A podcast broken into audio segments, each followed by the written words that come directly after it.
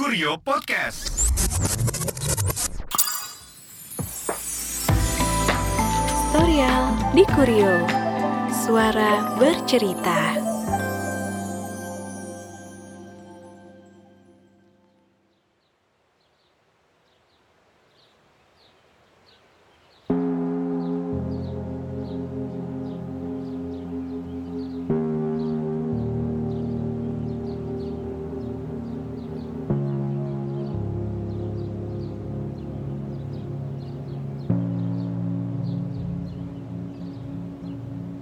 Seharusnya yang ada tinggal kita.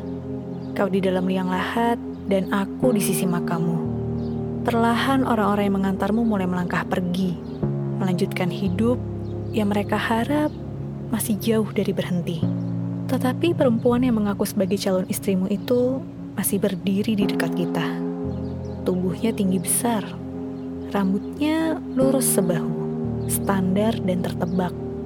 Kulitnya putih membosankan, alisnya rapi dan simetris. Aku menduga-duga berapa lama waktu yang ia perlukan untuk melukisnya dengan presisi. Bulu matanya lentik dan tebal, tidak mungkin asli. Dan bagaimana ia ingat untuk memulaskan bedak sebanyak itu sebelum ke pemakamanmu? Ia baru tiba semalam di rumah sakit, beberapa jam sebelum kau pergi. Saat berita bahwa kau koma sudah tersiar di pesan singkat. Kata sepupu yang menjagamu, perempuan itu menggenggam tanganmu dan memotret dirinya sendiri di sisi dipanmu. Belakangan aku baru tahu, ia juga merekam video dirinya sendiri. Jika tidak ada perawat, mungkin ia sudah menggelar siaran langsung di Instagramnya. Dalam perjalanan ke pemakaman, wanita itu berjalan di depan keranda dan membawa figura fotomu. Seakan dia yang paling kehilangan. Sementara ibumu sudah tidak peduli lagi soal detail pemakamanmu. Satu-satunya hal terpenting buatnya sudah tidak ada. Kamu. Setelah bapakmu berpulang tahun lalu, ia sering memandangimu lekat-lekat setiap kali kau pulang ke rumah. Kata ibumu, di antara anak laki-lakinya yang lain, kamu yang paling mirip mendiang suaminya itu. Kupikir juga begitu. Bahkan sakitmu juga serupa dengan bapakmu. Kini ibumu berjalan tertatih di belakang jenazahmu. Sudah terlalu sedih untuk menangis. Adik dan sepupu perempuanmu menggamit lengannya di kanan kiri. Di belakang mereka, aku berjalan tanpa suara. Sejenak berpura-pura sekedar mengantarmu tidur dan takut membangunkanmu. Tiga perempat bagian diriku masih menyangkal ketiadaanmu. Mendadak wanita yang mengaku sebagai calon istrimu itu jatuh pingsan. Bergeming sambil membetulkan letak kerudungku. Dua sepupumu dan dua pria lain yang tidak kukenal seketika membopongnya menjauh. Aku sedikit lega, perempuan itu tak ada lagi di dekatmu. Pernah ku dengar roh orang yang sudah meninggal baru akan pergi setelah orang terakhir beranjak dari makam mereka. Sebenarnya itu hanya mitos. Tapi di saat seperti ini, aku berpegangan pada apa pun yang bisa diraih. Aku membayangkan rohmu masih melayang-layang di atas makam, melihatku dan orang-orang yang menangisi ketiadaan. Padahal mereka juga bagian darinya. Kubayangkan kau akan dimintai pertanggungjawaban tentang hidupmu. Seperti yang sering kita dengar dari khotbah-khotbah mimbar. Namun sebelum kau ditanyai di alam sana, aku ingin bertanya dulu padamu tentang hal-hal yang belum jelas benar bagiku. Tentang tahun-tahun saat kau tak pulang ke rumah. Tentang cerita-cerita yang tertunda atau kau putuskan untuk disimpan sendiri. Aku menerka-nerka bagaimana caramu menjawabku lewat angin yang tiba-tiba menerpa atau goyangan daun. Tapi tentu saja tak ada tanda-tanda semacam itu. Kau tak bisa lagi mendengar dan menjawabku. Seketika sedih dan putus asaku berlipat-lipat, akhirnya aku hanya dapat mengumpat. Menyayangkan usiamu yang baru 35 dan dicukupkan sampai di situ. Seharusnya tesismu akan selesai bulan depan. Kau pertahankan, lalu lulus dengan pujian. Februari tahun depan, kau akan berangkat S3 ke Kanada seperti yang sering kau bilang dengan pendar cahaya di matamu itu. Kau akan menjadi ahli filantropi yang sering salah disangka filateli sehingga membuat sering tanya, untuk apa belajar tentang perangko? Di saat seperti itu, kau biasanya hanya akan tertawa tapi enggan menjelaskan. Kini, kau tak tertawa. Kau tidak akan pernah lagi tertawa.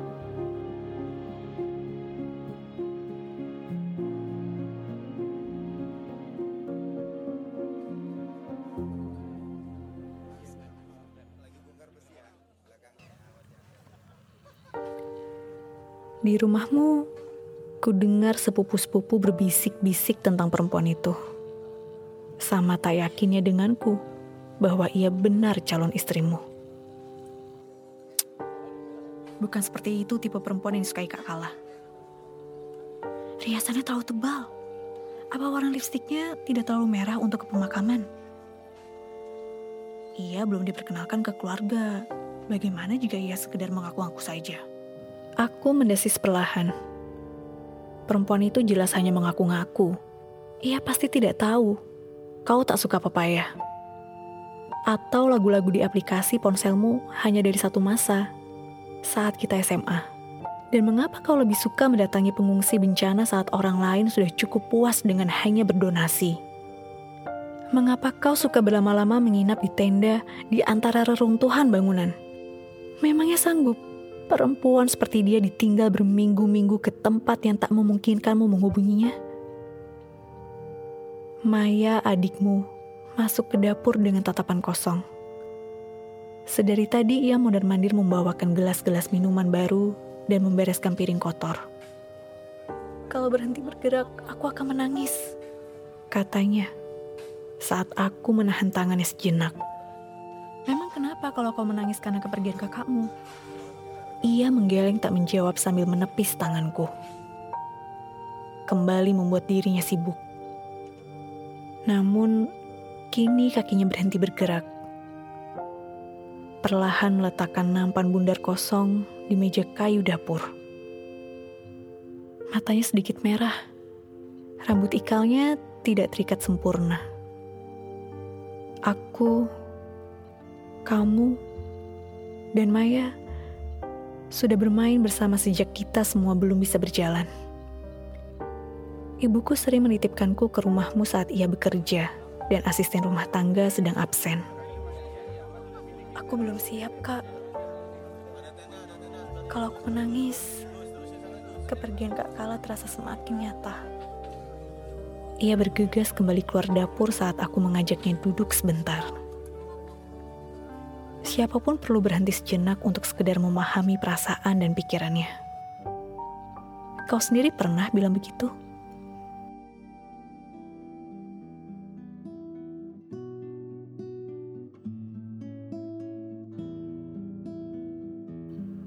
Tahu-tahu, Maya menyodorkan sebuah buku agenda bersampul kulit ke hadapanku.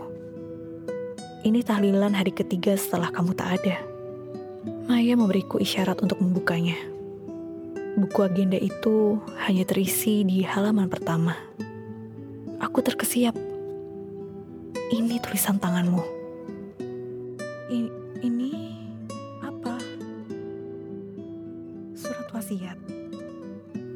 Aku membaca kalimat yang kau tulis di situ. Tidak panjang, tetapi menyisakan deretan tanya. Kalau aku mati, Aku mau semua hartaku diberikan pada Kali. Kali siapa? Itulah yang dari kemarin kupikirkan. Jadi ia tidak memberitahu Kamala juga. Aku menggeleng. Aku sempat menungguimu di hari-hari terakhir.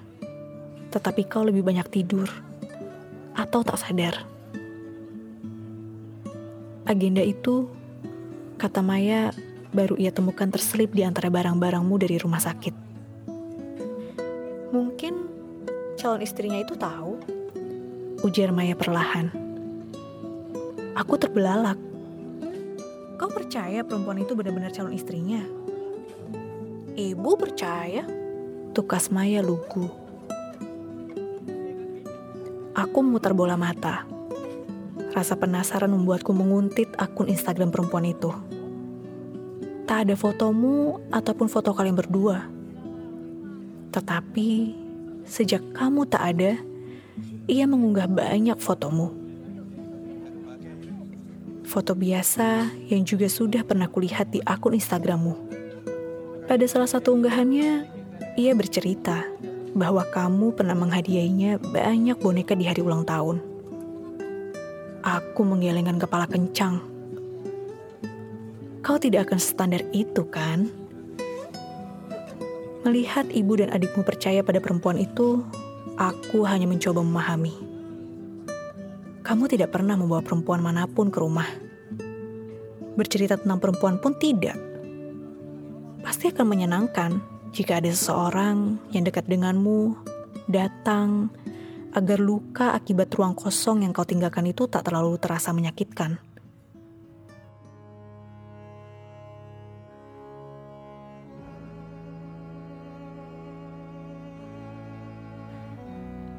Perempuan yang mengaku sebagai calon istrimu itu sedang menata kue dalam nampan saat aku datang. Sesekali ia mengajak ibumu bercanda. Ini tahlilan hari ketujuh. Setiap hari ia selalu datang. Ikut menerima ucapan bela sungkawa dari tangga dan teman-temanmu. Ia selalu berkata bahwa tahun depan kalian akan menikah. Yang tabah ya mbak. Begitu teman-temanmu menghibur dan menyayangkan rencana kalian yang dihentikan maut. Ia tidak tahu siapa kali. Wajah Maya muram, mengarah pada perempuan itu. Ya tentu saja wanita itu tidak tahu. Kataku sengit dalam hati. Ibu juga tidak tahu saat ku sebut nama itu sambil lalu. Kata Maya lagi. Kemudian senyap memerangkap. Aku yang mengira adalah sahabat dekatmu, ternyata tidak sebegitu tahunya tentang hidupmu. Setelah kau pergi, pelan-pelan aku sadar. Kau adalah sahabat dekat yang masih asing bagiku kita tumbuh bersama. Tapi kemudian kau pergi ke utara, aku ke selatan. Aku mulai berpikir, jangan-jangan perempuan itu benar calon istrimu. Tapi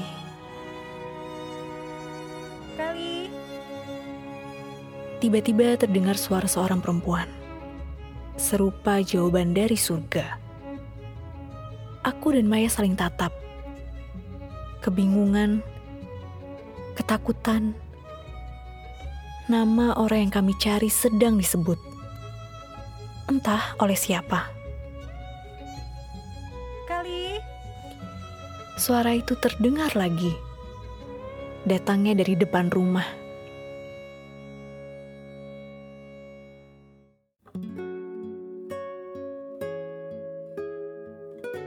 Dari halaman depan, seorang anak, mungkin usia empat, masuk ke garasi yang langsung berujung ke dapur. Anak itu setengah berlari memasuki dapur tempat kami sedang mencari-cari asal suara. Seorang perempuan mendadak masuk ke dapur, Kali. mengejar anak itu. Perempuan itu bertubuh tinggi, berambut keriting sebahu. Kulitnya coklat keemasan Pakaiannya sederhana, tapi entah mengapa terlihat sempurna di tubuhnya. Ia terkejut melihatku dan Maya yang sebenarnya lebih terkejut lagi. Maaf, anak saya masuk tanpa permisi. Ia membenahi keterkejutannya, berubah menjadi sungkan. Aku dan Maya saling tatap, bingung bereaksi. Pertanyaan-pertanyaan dalam kepalaku saling beradu. apakah ini kali yang kau sebut? Lalu, perempuan ini siapa? Apa hubungan mereka denganmu? Dan mengapa kau akan memberikan warisanmu pada kali? Maaf, seharusnya saya, uh, kami segera datang begitu kala sakit. Tapi saya sedang bertugas di Papua. Ia berkata sebelum aku dan Maya memutuskan akan merespon bagaimana. Perempuan itu bahkan belum memperkenalkan diri. Kami, mengapa seharusnya ia datang begitu kau sakit? Apakah ia dekat denganmu? Mendadak matanya berkaca-kaca. Maaf, saya dan Kala. Ini maaf ketiga yang aku dan Maya terima dari orang yang bahkan belum kami kenal. Atau seharusnya kami kenal. Saya reporter kami bertemu di Aceh. Terlalu banyak informasi yang harus dicerna dalam sekali teguk. Namun, perempuan itu tanpa ampun melontarkan sebuah bom ke atas sebelum aku dan Maya sempat mengambil jeda. Melebihi apa pun, aku sungguh ingin kau bangun dari kubur dan menjelaskan ini. Maya meraih tanganku dan menggenggamnya erat-erat. Ia seperti ingin bicara tapi tidak jadi. Sedangkan aku tidak tahu apa yang seharusnya kurasa atau pikirkan. Tetapi cerita itu meski terdengar gila terasa benar. Perempuan di hadapan kami itu meski tidak biasa terasa tepat untukmu. Ia pasti mengerti apa itu filantropi. Ia pasti memahamimu. Sedetik kemudian, ia berlalu mengejar anaknya. Anakmu. Ke dalam ruangan yang penuh orang yang akan sembahyang. Di antara mereka, ada perempuan yang mengaku sebagai calon istrimu. Ia sedang membagikan minuman untuk tamu seperti bagian dari tuan rumah.